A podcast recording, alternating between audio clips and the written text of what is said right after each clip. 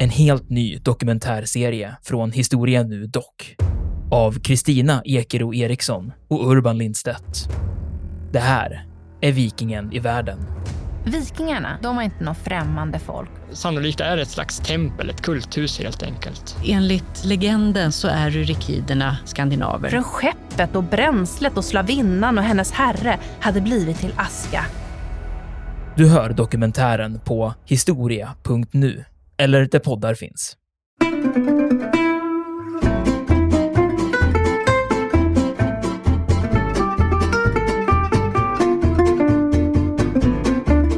Polischefen som heter Deals, han eh, hör då Hitler ropa att nu är det slut för kommunisterna, nu har de inte längre någon nåd att vänta. Och jag citerar då ett, eh, vad, vad Diels säger att Hitler ska ha sagt. Varje kommunist kommer att skjutas varhelst han påträffas. De kommunistiska riksdagsledamöterna måste hängas redan i natt. Så det här är ju ord som varslar om, om, om on, att onda tider står, står för dörren.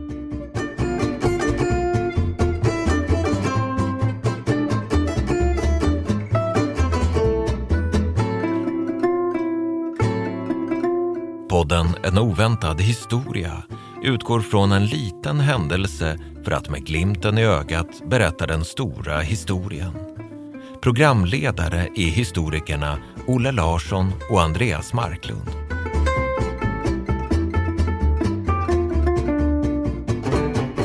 Tjena Andreas! Tjenare! Hur är läget? Det är fantastiskt bra. Vad bra!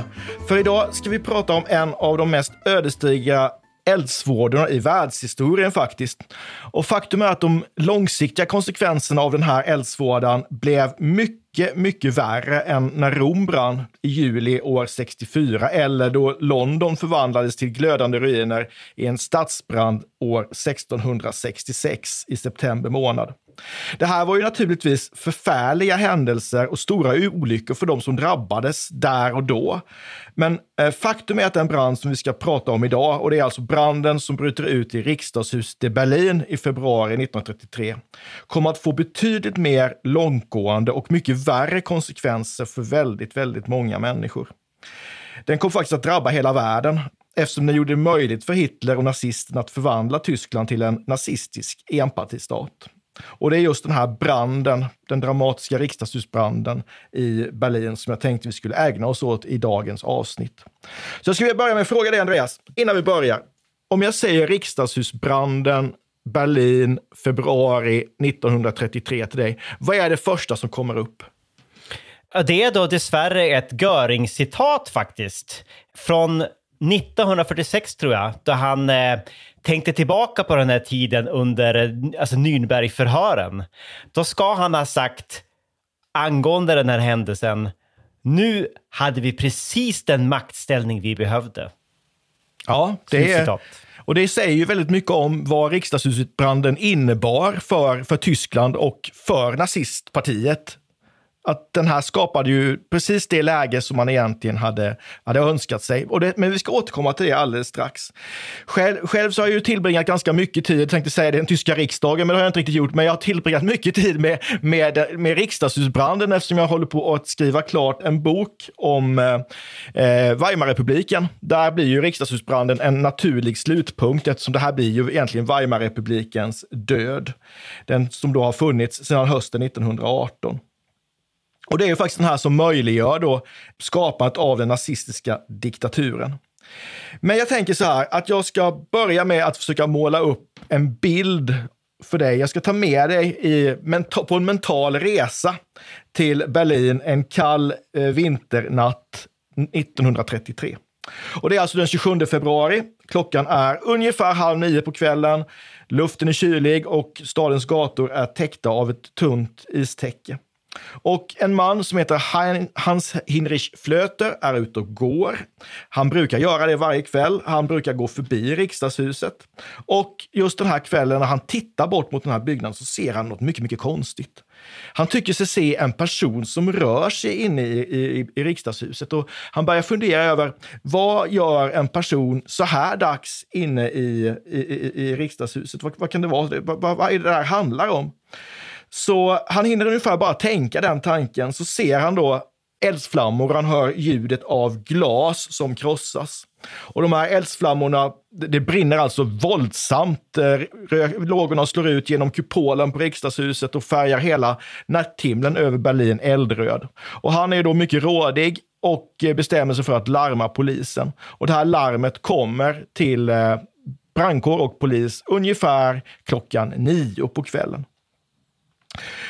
Om man ska sätta in den här händelsen i ett perspektiv så får man nog gå tillbaka lite grann och titta på vad är det som har hänt ungefär en månad tidigare. Därför att den 30 januari så, 1933 så utnämner ju den tyske rikspresidenten Hindenburg nazisten Adolf Hitler till tysk rikskansler. Och det här är ju en utnämning som sker helt och hållet på laglig väg.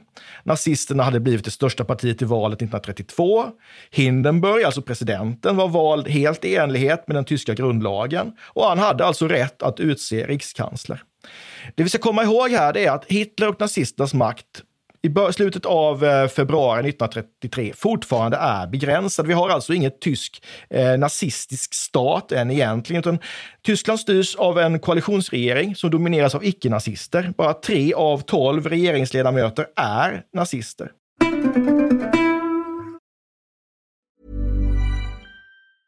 Mom deserves the best, and there's no better place to shop for Mother's Day than Whole Foods Market. They're your destination for unbeatable savings, from premium gifts to show-stopping flowers and irresistible desserts. Start by saving 33% with Prime on all body care and candles. Then get a 15-stem bunch of tulips for just $9.99 each with Prime. Round out Mom's menu with festive rosé, irresistible berry chantilly cake, and more special treats. Come celebrate Mother's Day at Whole Foods Market. A lot can happen in the next three years. Like a chatbot may be your new best friend. But what won't change? Needing health insurance. United Healthcare Tri Term Medical Plans are available for these changing times. Underwritten by Golden Rule Insurance Company, they offer budget friendly, flexible coverage for people who are in between jobs or missed open enrollment. The plans last nearly three years in some states, with access to a nationwide network of doctors and hospitals. So, for whatever tomorrow brings, United Healthcare Tri Term Medical Plans may be for you. Learn more at uh1.com.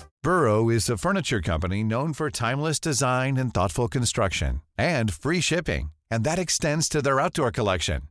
Their outdoor furniture is built to withstand the elements, featuring rust-proof stainless steel hardware, weather-ready teak, and quick-dry foam cushions.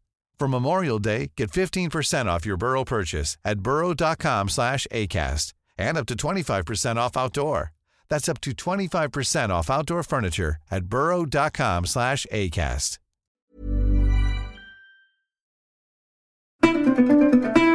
Låt oss gå tillbaka ytterligare en, en, en, några år i tiden. Alltså Andreas, hur kommer det sig att nazistpartiet var så populärt hos tyskarna i början av 30-talet? Det är ju faktiskt det största partiet i den tyska riksdagen. Hur kommer det sig?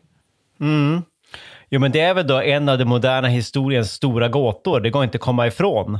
Men alltså, vi, vi kan ju börja med att eh, konstatera att Tyskland då hade omdanats från kejsardöme till republik efter nederlaget i första världskriget och den här Kejsar Wilhelm II tvingades abdikera, alltså i samband med krigsnederlaget. Och det var då en republik som eh, en ny statsbildning som utropades i staden Weimar och inte i Berlin på grund av att det var väldigt ja, oroligt, kaotiskt. Det var ju närmast det var ju inbördeskrigsliknande tillstånd i, i huvudstaden på den här tiden. Och därför kom den här statsbildningen att kallas då för Weimarrepubliken. Och det var en statsbildning som faktiskt var då behäftad med många ganska allvarliga problem. Va? Intressant. Alltså dels hade den ju, den hade ju fötts ur krigsnederlag och associerades då av många tyskar med den här väldigt förödmjukande Versaillesfreden med den här dolkstötslegenden och allt, allt sånt där. Så i vissas ögon kan jag mycket väl tänka mig att den, att den betraktades mer som Versaillesrepubliken snarare än, än Weimarrepubliken. Kan man inte säga så? Jo, det låter väl klokt. För Versaillesfreden är ju viktig i det här sammanhanget. Precis, och, och sen ett annat problem, det var ju att man hade den här, man hade ju som ett demokratiskt problem. Alltså, konstitutionen var väldigt demokratisk ju, det kommer jag till alldeles strax tänkte jag. Men man, de här gamla makteliterna från kejsartiden, de behöll ju sina maktpositioner ju i, i, i alltså Weimartidens Tyskland. Och de var ju ofta extremt antidemokratiska. Den här junkereliten, Junkerraden, inte minst då. Eh, alltså den gamla preussiska krigaraden. De var antidemokratiska, de var nationalistiska, de var antisocialistiska och i många fall också då väldigt antisemitiska. Alltså de avskydde den, den judiska delen av befolkningen. Och flera av dem, det var ju de här som skanderade då om dolkstötslegenden. De ropade på revansch och de ville se ett återupprättande av Tysklands storhet. Men samtidigt, ett, ett annat problem då med det här, det var ju liksom att konstitutionen då, grundlagen, den var ju då, den var ytterligt demokratisk. I sig inte problem, men det var det att det fanns ingen riktig riksdagsspärr för de partier som skulle in i parlamentet, så det var otroligt många småpartier i, i det tyska parlamentet, i den tyska riksdagen, vilket skapade kaos. Alltså det skapade en situation i alla fall som hade ett väldigt starkt parlament och ofta då väldigt svaga minoritetsregeringar som fick väldigt svårt att få igenom sin politik, alltså väldigt svårt att bygga upp ett parlamentariskt stöd för att genomföra nödvändiga reformer och så vidare under en väldigt orolig period. Det ledde till partisplittring och partisplittringen ledde till då upprepade Eh, återkommande regeringskriser. Kriser. Eh, så den mest då stabila institutionen, den institution i det dåvarande Tyskland som verkar stod för någon slags kontinuitet, det var ju då realiteten, dessvärre kan vi säga så här efterhand, det var ju armén, den tyska armén. Absolut. Och eh, jag tänker ofta på hur man, hur ska man, när man ska undervisa om Weimarrepubliken, hur gör man det här begripligt? Och jag brukar alltid göra så att jag brukar dela in Weimarrepublikens historia i tre olika tidsskeden. Jag talar om 1918 till 24 som den första perioden. Och det här är en period som präglas av en enorm politisk oro. Alltså statskuppförsök från både vänster och höger. Jag talar till exempel om Karl Liebknecht och Rosa Luxemburg, det så kallade Spartakistupproret, alltså de tyska kommunisterna försök att ta makten. Jag talar om eh, kappkuppen som är eh, den yttersta högens sätt att ta makten. Alltså det är väldigt, väldigt politiskt turbulent och det är fullt av gatustrider, olika politiska fraktioner drabbas samman i blodiga sammanstötningar. De här blir extra blodiga eftersom många partier har egna beväpnade milisgrupper kan man säga, för man har slarvat med avväpningen av de hemvändande tyska soldaterna. Det finns mängder med vapen ute i det tyska samhället de här åren efter precis första världskrigets slut. Och det här är ju, alltså, Weimarrepubliken styrs ju då framförallt av en socialdemokratisk ledd regering här. Och de är ju tvungna att, eller de väljer i varje fall att samarbeta med de här antidemokratiska högergrupperna och med den tyska militären för att slå ner upproren. Framförallt de som kommer från vänster. Och just det här då att man kan se att det finns den här tendensen att stödja högerkrafter i Tyskland skapar ju liksom en grundmurad fiendeskap mellan socialdemokrater och kommunister som kommer att vara genom hela Weimarrepublikens historia egentligen. Men det är också ekonomiskt mycket besvärliga år. Alltså, Tyskland ska byggas upp efter kriget. Tyskland har tilldömts ett stort krigsskadestånd i Versaillesfreden. Det här ska betalas. Och det här ska betalas med pengar som Weimarrepubliken inte har. Tyskland kan inte betala och när man ställer in betalningarna så väljer fransmännen att gå in och ockupera Ruhrområdet, alltså Tysklands mest industrialiserade och kanske ekonomiskt viktigaste region 1923. Och vad gör man då? Jo, tyska regeringen väljer då att trycka mer pengar och det är ju aldrig någon bra idé, därför att det här orsakar ju en våldsam hyperinflation. Alltså, ingen, pengarna är inte värda någonting överhuvudtaget.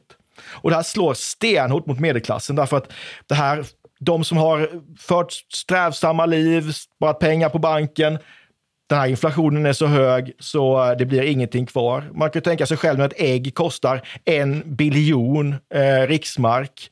Då är inte ens besparingar värda speciellt mycket. På, på förmiddagen? På, på, eftermiddagen ja, kost, på, på, på eftermiddagen kostar den två biljoner. Och det här gör ju då naturligtvis att tyskarna tappar tron på demokratin. Alltså demokratin har ju inga långa traditioner. Kejsartyskland var ju ytterst auktoritärt. Och här har vi då en demokrati som inte kan leverera lösningar på problem. Men det här liksom grundmurar någon slags misstro mot demokrati i Tyskland. Och det är också nu vi ser nazisterna gör entré på den tyska politiska scenen på allvar för första gången. Man, man, nämligen man försöker genomföra ett kuppförsök i München 1923. Inspirerad av de italienska fascisterna och Mussolinis marsch mot Rom 1922. Men till skillnad från fascisterna i Italien så är ju nazisterna i Tyskland vid det här tillfället mindre lyckosamma och det blir ju ingenting med det här kuppen misslyckas ju totalt, den här ölkällarkuppen som den kallas, och Hitler döms till fängelse. Och det är här han sitter och skriver Mein Kampf. Men Andreas, det blir ju bättre, eller hur? Vad händer sen? Ja, men sen kommer ju då en, en lite mer stabil period där efter eh, 1924 ungefär. Alltså från 1924 fram till då börskraschen 1929 så präglas väl eh, tysk ekonomi och tysk politik generellt av eh, återhämtning, inte minst då ekonomisk återhämtning förstås. Och dessutom blir det ju en, en, eh, vad ska man säga, en kulturell guldålder för Tyskland. Men alltså man, får ju, man inför en ny valuta som man kallar för räntemarken eh, och eh, som, som bidrar till att eh, ekonomin kommer på fötter igen. Eh, Frankrike tar tillbaka från RUR. Eh, och så får man hjälp då med amerikanska lån, alltså amerikanska investeringar och amerikanska pengar som eh, flödar in i Tyskland. Eh, och man reglerar också krigsskadeståndet då, vilket då leder till att eh, ekonomin helt enkelt blir stabilare.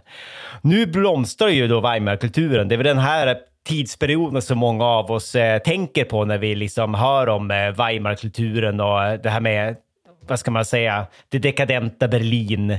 Babylon Berlin kan vi fortfarande se lite, det, det kan vi se efterdyningarna av det här. Jag vet inte om du ser Babylon Berlin, Olle? Nu har man det gör jag absolut, med stor ja, förtjusning. Det, det, det, är fantastiskt, men nu har de ju kommit in på 30-talet. Men den började så var det fortfarande lite grann den här känslan av det glada 20-talet eh, som låg där och skvalpade i bakgrunden. Alltså det är ny arkitektur, ny konst, ny musik, sexuell utlevelse och tolerans i största allmänhet eh, som präglade då Tyskland under den här perioden. Alltså något helt annat än det som har varit och sen skall komma. Ja, just det, det, det glada 20-talet är ju fantastiskt i Tyskland. Ja, Helt fantastiskt, men väldigt, väldigt kort ju. Det är ju det, det är fyra, fem år. Sen kommer ju börskraschen då 1929. Då tar ju den goda tiderna slut och när den här amerikanska börsen då kraschar i oktober så leder ju det till en, det är en världsomfattande depression. USA hade ju, hade då under den här tiden då blivit då världens ekonomiska motor.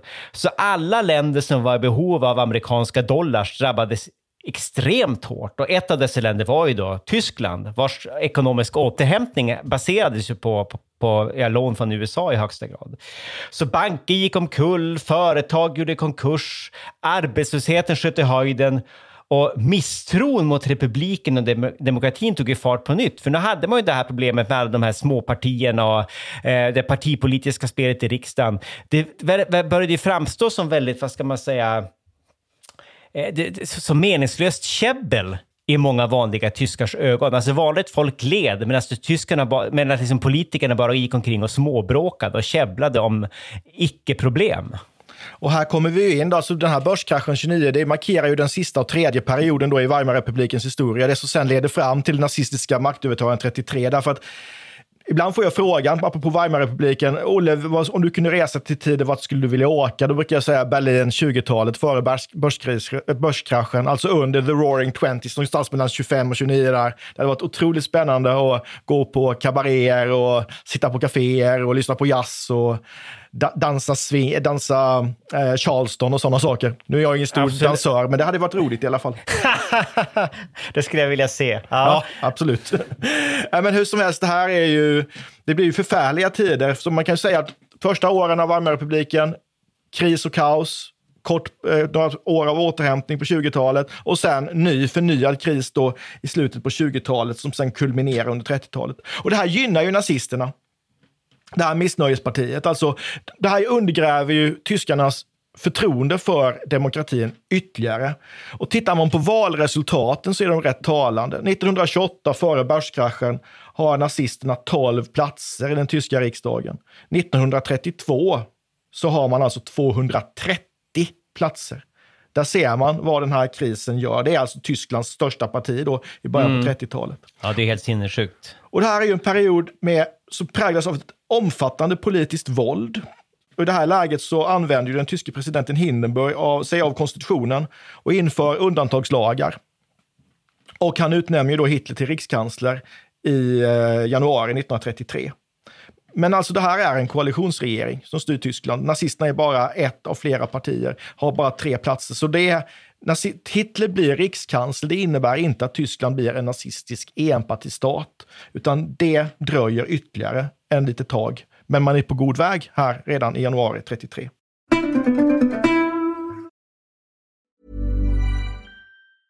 Cool fact a crocodile can't stick out its tongue. Also, you can get health insurance for a month or just under a year in some states. United Healthcare short term insurance plans, underwritten by Golden Rule Insurance Company, offer flexible, budget friendly coverage for you. Learn more at uh1.com. Burrow's furniture is built for the way you live.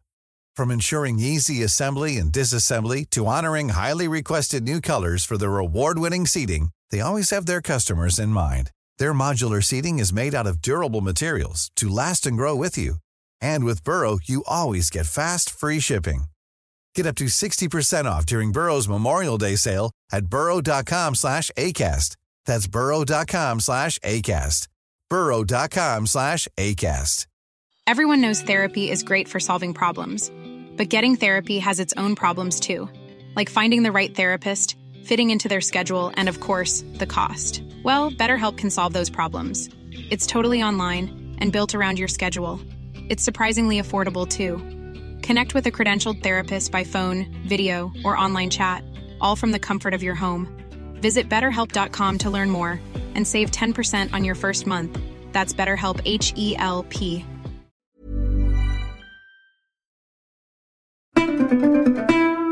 Så alltså, Andreas, utnämningen av Hitler till rikskansler sker ju alltså helt och hållet i enlighet med, med, med konstitutionen. Och det beror ju, alltså att man utser Hitler, det är ju att man, man hoppas ju att kunna, bland de andra konservativa partierna, att man kan dra nytta av, liksom av, av nazisternas popularitet för att bygga en stark konservativ regering. Man tänker sig då att Hitler ska vara ja, ganska lätt att, att kontrollera. Men man bestämmer sig här då för att utlysa ett nyval i januari 33. Eh, och det här valet skulle då äga rum i början på mars, den 5 mars. Och tanken var ju då att den här regeringskoalitionen hoppades då att kunna få två tredjedels majoritet i det här valet. För får man två tredjedels majoritet så kan man ändra den tyska grundlagen.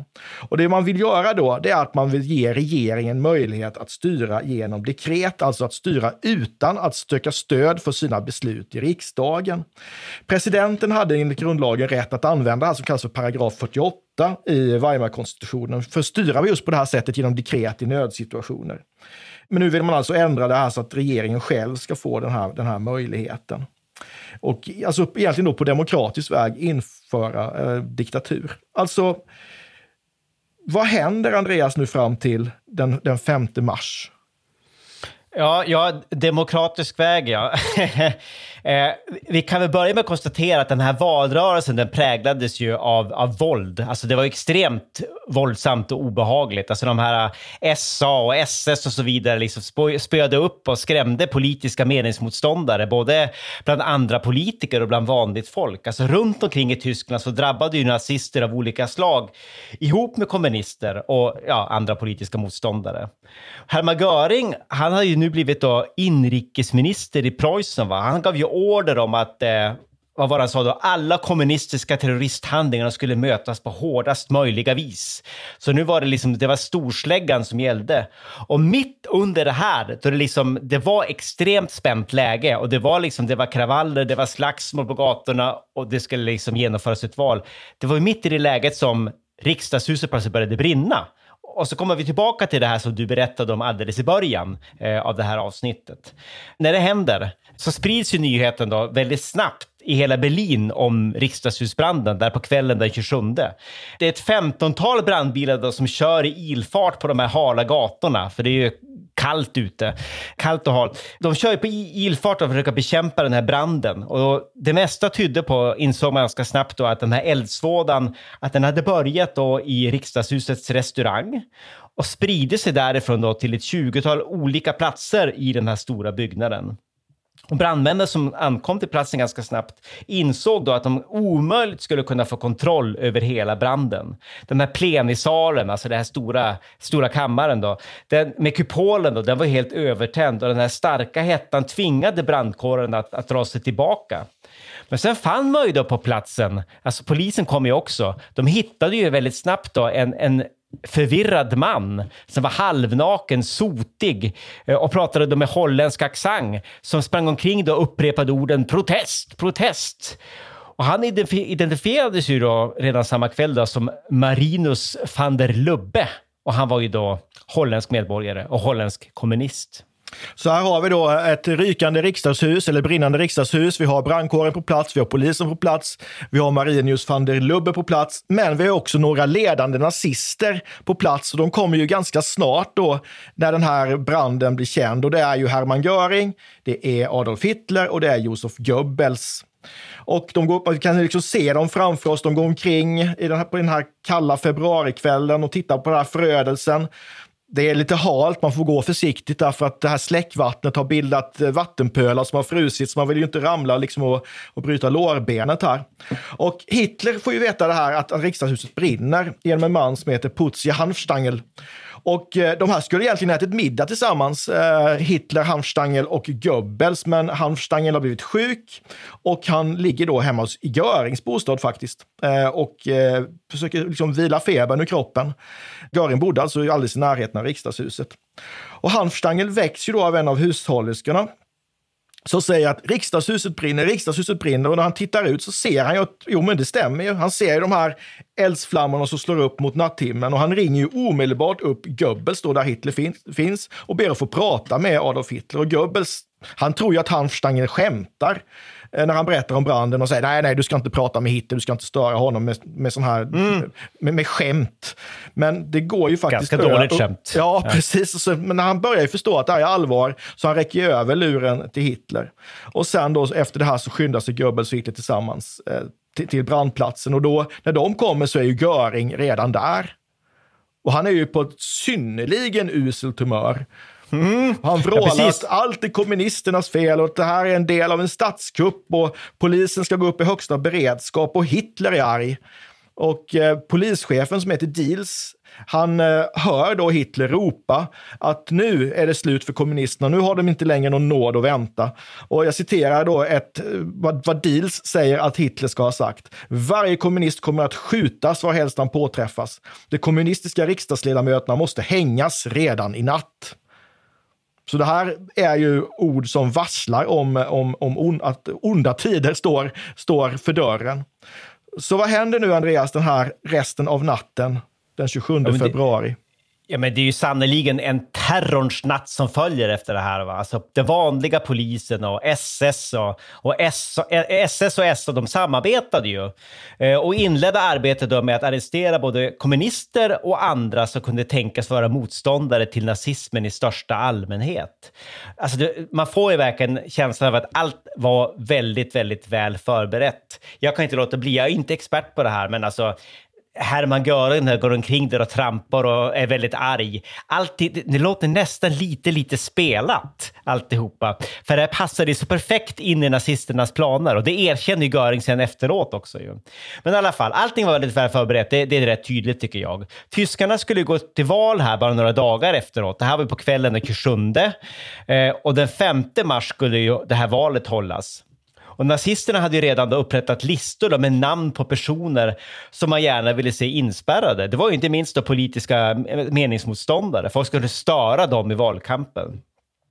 Så eh, den här natten då, och de som, därpå, de som följde efter det här då, eh, dagarna efter riksdagshusbranden, så var det otroligt många då som fördes då till olika typer av improviserade fängelser och flera misshandlades ju svårt. Så upprättade man väl någon slags, ja, primitivt tidigt koncentrationsläger i, mitt, i, mitt i centrala Berlin, Prenzlauer Berg. Eh, men i alla fall tidigt då, på morgonen då, den 28 februari då, så kunde då polischefen rapportera till Goebbels att eh, allt var under kontroll. Ja, det är, det är en förfärlig natt och det är helt otroligt. Medan då polisen griper eh, nazisternas politiska motståndare så sitter ju de nazistiska ledarna med Hitler i spetsen på hotell Kaiserhof som är ett av de finare hotellen i Berlin. Eh, alltså de har en liten fest här inne, alltså stämningen är jättegod, alltså det är rent av uppsluppet här. Och eh, Goebbels ska då ha sagt att det här var allt vad vi behövde, nu har vi vårt på det torra. Och Hitler då säger till Franz von Papen, som är hans vicekansler, att Hitler tyckte om att prata om ödet, att branden är en hälsning från ödet och nu är det inget som kan hindra oss från att krossa avskummet. Så nazisterna hälsade ju faktiskt den här branden med, eh, med glädje. Och det här gör ju att man har spekulerat en hel del, både bland konspirationsteoretiker men även mer seriösa forskare. Alltså vilken roll spelade nazisterna för själva branden? Alltså var det verkligen så att det var Marinius van der Lubbe som tuttade eld på riksdagshuset? Eller var det, eh, var det här nazisterna själva som gjorde det? Eller använde man sig av van der Lubbe som liksom ett redskap? Andreas, mm. hur har man sett på det här? Ja, men i alla fall om vi går till fakta så kan vi väl konstatera att polisen förhörde ju då de här misstänkte mordbrännaren, van der Lubbe, det är ett härligt namn. Ungefär samtidigt som nazisterna satt där och smörjde kråset då på hotell Kaiserhof. Och han var väl, var väl ganska eh, förvirrad person va? Alltså han satt där enligt vittnesrapporter då svettig, smutsig och halvnaken då framför sina förhörsledare och han stirrade visst på dem då med triumf i blicken samtidigt som han andades väldigt tungt och andfått. Men han gav alltså liksom ett, ett väldigt förvirrat intryck. Eh, jag tror han beskrev sig samtidigt då med det här ordet imbecill. Men han, han underströk det hela tiden att han hade agerat på egen hand. Alltså han var medlem i det holländska kommunistpartiet. Det hade varit sedan 1929. Och eh, anledningen till att han hade agerat på det sättet, det var ju nyheten då om att nazisten Adolf Hitler hade utnämnts till tysk rikskansler. Alltså, han blev så upprörd över att eh, de tyska arbetarna eh, i hans ögon verkade finnas i situationen, att han var tvungen att, han var tvungen att göra något helt enkelt. Så hans syfte med den där branden, det var ju inte att skada dem då, enligt hans egen utsaga, utan han ville bara väcka uppmärksamhet. Det var därför han valde att tända eld på just riksdagshuset. Det var liksom en symbol för då liksom ett, ett ruttet politiskt system helt enkelt. Och han ville då sporra arbetarklassen till kamp emot nazismen. Och han upprepade gång på gång att han hade agerat helt på egen hand. Ingen hjälpte mig, sa han. Jag, jag kan inte låta bli. Alltså, jag, det, Många menar att det mest tyder på att det var van der Lubbe som var då en ensam förvirrad gärningsman som gjorde det här, att nazisterna helt enkelt bara liksom utnyttjade det här läget. Men alltså, det, det, är mycket i det här som, som, som, som luktar fishy, som man säger. Jag tänker liksom det där med nazisterna som först är så jättearga och sen går de på Hotell Kaiser och festar. Hur djupt satt den där vreden egentligen? Eh, det verkar bara så otroligt välförberett allting. Ja, absolut. Det här var ju, oavsett, jag tror inte, jag, jag, jag, jag tror nog att van der Lubbe var ensam gärningsman, men jag är, jag är, helt, men det här var ju precis vad nazisterna ville ha och det är ju alldeles uppenbart då att de använder ju, de, de kramar ut så mycket de bara kan av den här riksdagshusbranden för att vinna politiska fördelar. Och, och det gör man ju onekligen för att det är ju nu jag skulle säga, kanske rent av säga så här att det är riksdagshusbranden som är, det är den sista knuffen Tyskland behöver för att förvandlas till en nazistisk diktatur. För det är ju precis vad som händer nu efteråt. Andreas, kort, alltså, vi vet ju då att, att Hitler och nazisterna eh, får då rikspresident Hindenburg att införa undantagslagar redan den 28 februari. Vad innebär de här undantagslagarna i korthet? Ja, och det var ju det här som eh, Göring refererade till där under de här förhören i, i Nürnberg. Eh, alltså de innebar bland annat då att pressen utsattes för hård kontroll och att människor kunde arresteras och hållas i förvar utan rättegång. Alltså man drog in allt som handlade om eh, yttrandefrihet, pressfrihet, mötesfrihet och faktiskt också det här med brev, brev och posthemligheten. Alltså nazisterna det är något som jag själv har tittat lite grann på i min egen forskning. Alltså, de införde ju också en väldigt massiv, om än inte särskilt välfungerande, övervakningsapparat. Ju. Eh, så det var ju viktigt det där med det. De ville liksom eh, komma åt människors innersta tankar eh, och så vidare genom då brev och telefonövervakning. Men alltså det var ju tydligt nu då, alltså regimen använde ju de här befogenheterna till att inleda en slags klappjakt på kommunister och andra vänsteranhängare. Alltså det var inte bara de egentligen, va? det var väl liksom, det var, det var också det var katoliker, det var socialdemokrater, det var inte minst judar eh, och intellektuella, journalister och så vidare som på olika sätt motsatte sig eh, nazisterna. Det, det, är väldigt tydligt då när, när Hindenburg utfärda det här dekretet. För här, här åberopar han just den här paragraf 48 i, i Weimarkonstitutionen. Ja, när han ja. säger då att eh, med stöd av, jag citerar, med stöd av paragraf 48 den tyska konstitutionen utfärdades följande dekret som en försvarsåtgärd mot kommunistiskt våld som, hit, som, som eh, hotar den tyska staten. Och sen följer då att man upphäver då de här fri och rättigheterna som var en del av konstitutionen, precis som du nämnde. Alltså personliga friheter, yttrandefrihet, eh, åsiktsfrihet, tryckfrihet, mötesfrihet, allt det här avskaffas eh, med hjälp ett slag. av, med ett ja. slag med hjälp av när, när Hindenburg aktiverar artikel 48. Hur går det sen i valet då? Ja, men det får ju då nazisterna 44 procent av rösterna och deras, då olika, deras koalitionspartners får väl 8 procent. Va? Men de når ju då inte upp till den här två tredjedels majoriteten som krävs då för att få igenom den här önskade grundlagsförändringen som skulle ge dem möjlighet att införa den här fullmaktslagen eh, som vi har pratat om. Så man inleder förhandlingar nu då mellan regeringar, regeringen då och eh, andra politiska partier. Och här är det då särskilt viktigt för rasisterna att få över då det katolska Centerpartiet på sin sida. Och här utdelar man då löften då, nazisterna, om att de ska verka för, jag citerar, ett verkligt djupt och innerligt religiöst liv. Det är ju fullständigt bisarrt. Tänk dig, det kommer från nazisterna. Eh, det kom ett löfte om det då, från nazisterna till katolik, det katolska partiet och därför så får de då deras stöd i den här omröstningen. Så den 23 mars 1933 så får nazisterna igenom fullmaktslagen.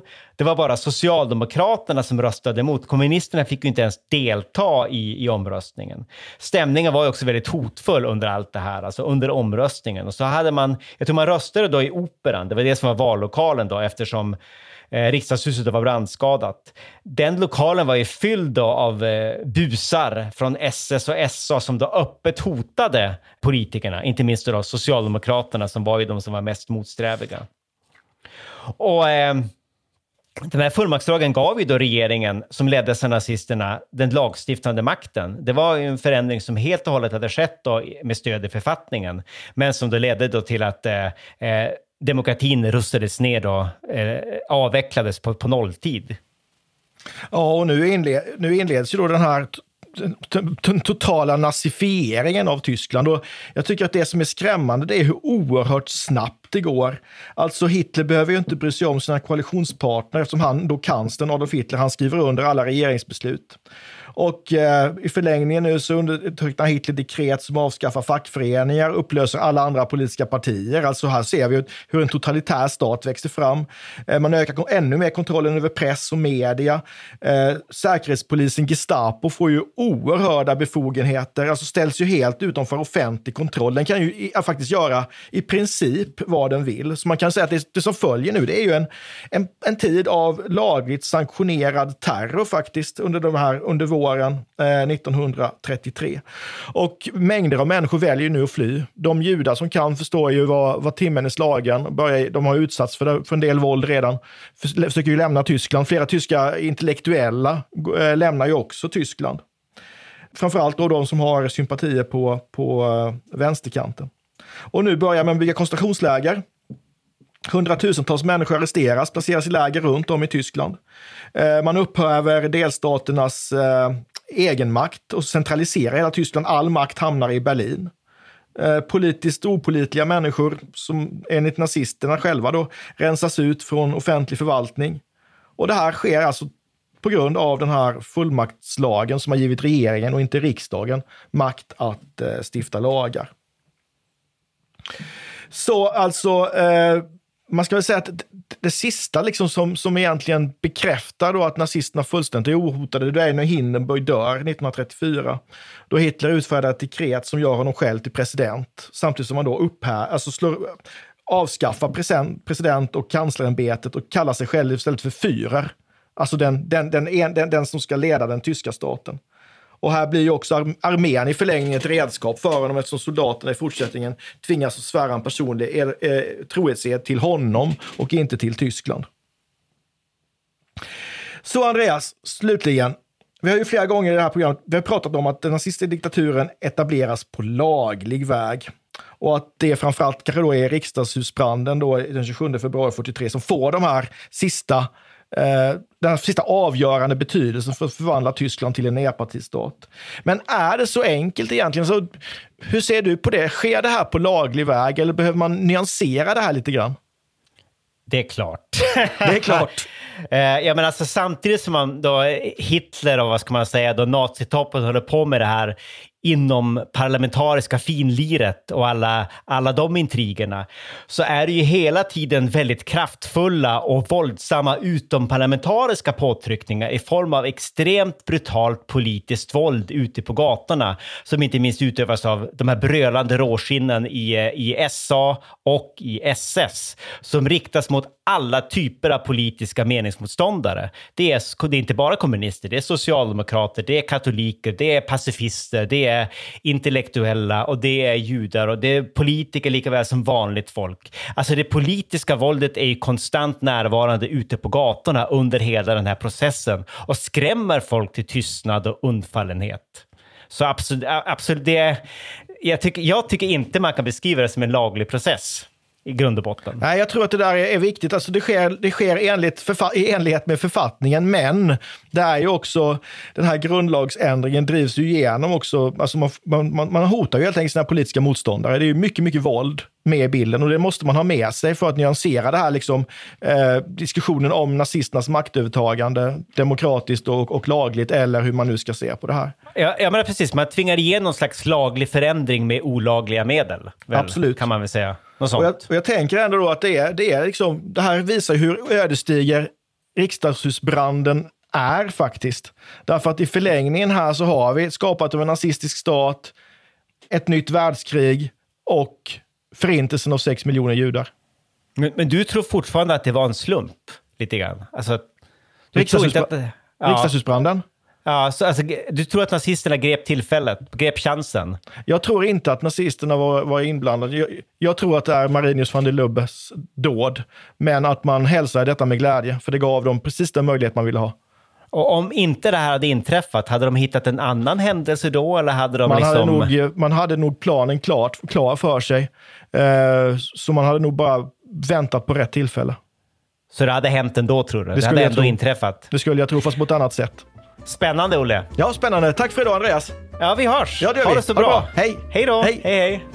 Vi tackar programledarna Olle Larsson och Andreas Marklund. Kontakta gärna Olle och Andreas på ovantad.historia.nu.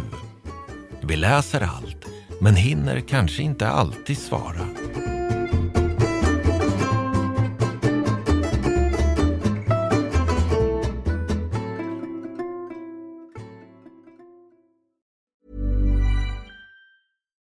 Deserves the best, and there's no better place to shop for Mother's Day than Whole Foods Market. They're your destination for unbeatable savings, from premium gifts to show-stopping flowers and irresistible desserts. Start by saving 33% with Prime on all body care and candles. Then get a 15-stem bunch of tulips for just $9.99 each with Prime. Round out Mom's menu with festive rosé, irresistible berry chantilly cake, and more special treats. Come celebrate Mother's Day at Whole Foods Market. Mom deserves the best, and there's no better place to shop for Mother's Day than Whole Foods Market. They're your destination for unbeatable savings, from premium gifts to show-stopping flowers and irresistible desserts. Start by saving 33% with Prime on all body care and candles. Then get a 15-stem bunch of tulips for just $9.99 each with Prime. Round out Mom's menu with festive rosé, irresistible berry chantilly cake, and more special treats. Come celebrate Mother's Day at Whole Foods Market.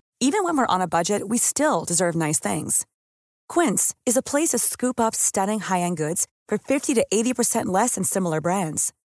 They have buttery soft cashmere sweaters starting at $50, luxurious Italian leather bags, and so much more. Plus, Quince only works with factories that use safe, ethical, and responsible manufacturing. Get the high-end goods you'll love without the high price tag with Quince. Go to quince.com/style for free shipping and 365-day returns. Iran har under 1900-talet genomgått tre omvälvande revolutioner som orienterat landet antingen mot västerlandets modell eller mot en auktoritär styrelseform. Idag pågår en social revolution i landet som vänder sig mot det islamistiska styret och vars anhängare har Europa och väst som förebilder.